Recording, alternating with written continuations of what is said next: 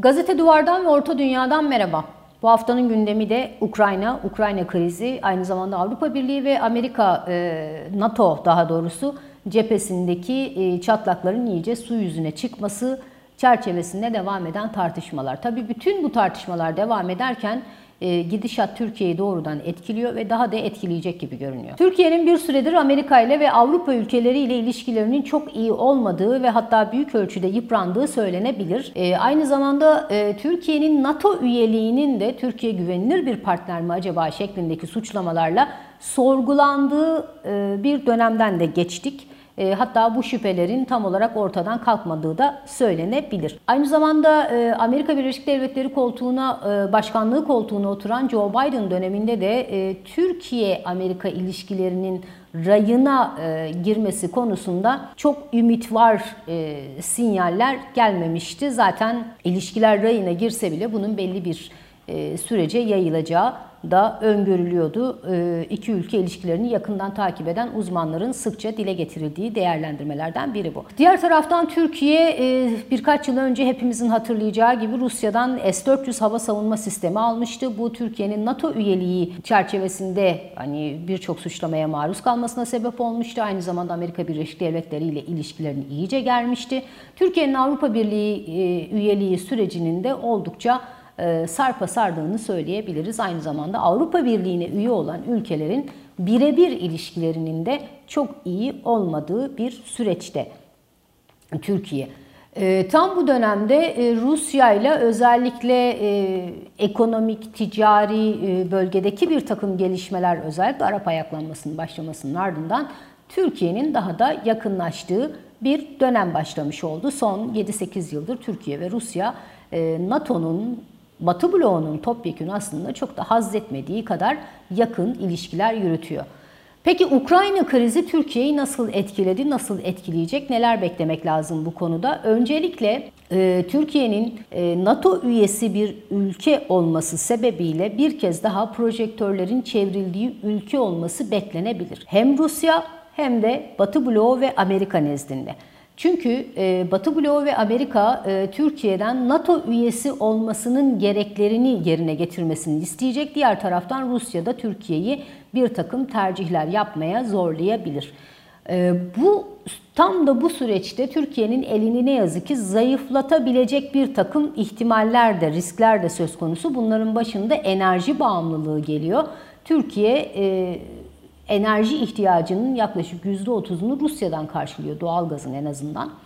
E, aynı zamanda e, turizm konusunda zaten e, Rusya e, Türkiye'nin en çok ümit bağladığı coğrafya ya da ülke diyebiliriz. Zaten ekonomik krizin giderek derinleştiği geçtiğimiz yıl bu yıl önemli ölçüde Rusya'dan ve Ukrayna'dan gelecek 30 milyondan fazla turistin 35 milyar dolar gibi bir gelir bırakması bekleniyor ve bu turistlerin önemli bir kısmının, büyük kısmının da Rusya'dan gelmesi öngörülüyordu. Şimdi Rusya'ya yönelik uluslararası düzeyde bir yaptırım e, sürecinin başlaması halinde ki başlayacak o süreç öyle görünüyor. E, Türkiye Rusya ile ilişkilerini, ticari ilişkilerini nasıl sürdürecek? Diğer taraftan Rusya e, Türkiye'ye taraf seçmeye zorlamak için bir takım hamlelerde bulunabilir mi? Nitekim e, Türkiye ve Rusya'nın Suriye'de, Libya'da, Doğu Akdeniz meselesinde hatta e, Güney Kafkasya'da Ermenistan'la normalleşme meselesinde, Karabağ Savaşı'nda Türkiye ve Rusya'nın oldukça yakın pozisyonlarda olduğunu biliyoruz. Birebir e, aynı görüşte olmasalar da, aynı politikaları savunuyor olmasalar da aynı sahalarda bulunduklarını biliyoruz. Hatta birçok e, konuda Suriye başta olmak üzere birçok dosyada ve coğrafyada Rusya'nın Türkiye'nin işlerini kolaylaştırdığını ya da hamlelerini kolaylaştırdığını da biliyoruz.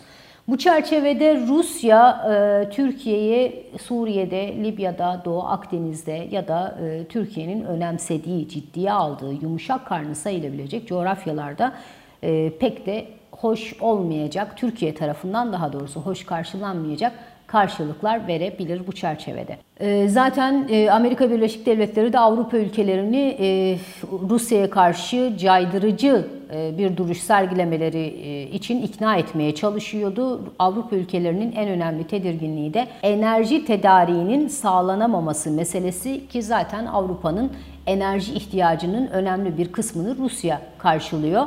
E, ve bu tedarik hattının kesilmesi halinde ki Rusya e, gazı kesmeyeceğini söyledi. Kesmesi de pek beklenmiyor ancak e, Batı bloğu Rusya'ya yaptırım uygulamak ya da caydırıcılık gücünü kullanmak için gaz alımını durdurabilir ya da e, bu yönde adımlar da atabilir gibi görünüyor.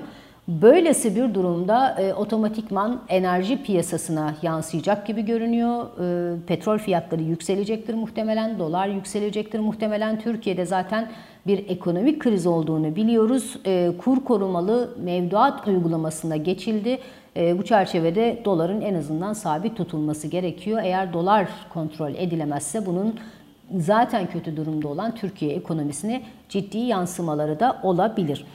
Ee, aynı zamanda e, birkaç noktayı daha aktarmak gerekiyor. Muhtemelen Türkiye'nin Ukrayna krizinin tırmanması halinde karşısına çıkacak başka e, konular da var. Bunlardan biri Montreux Sözleşmesi'nin uygulanması meselesi.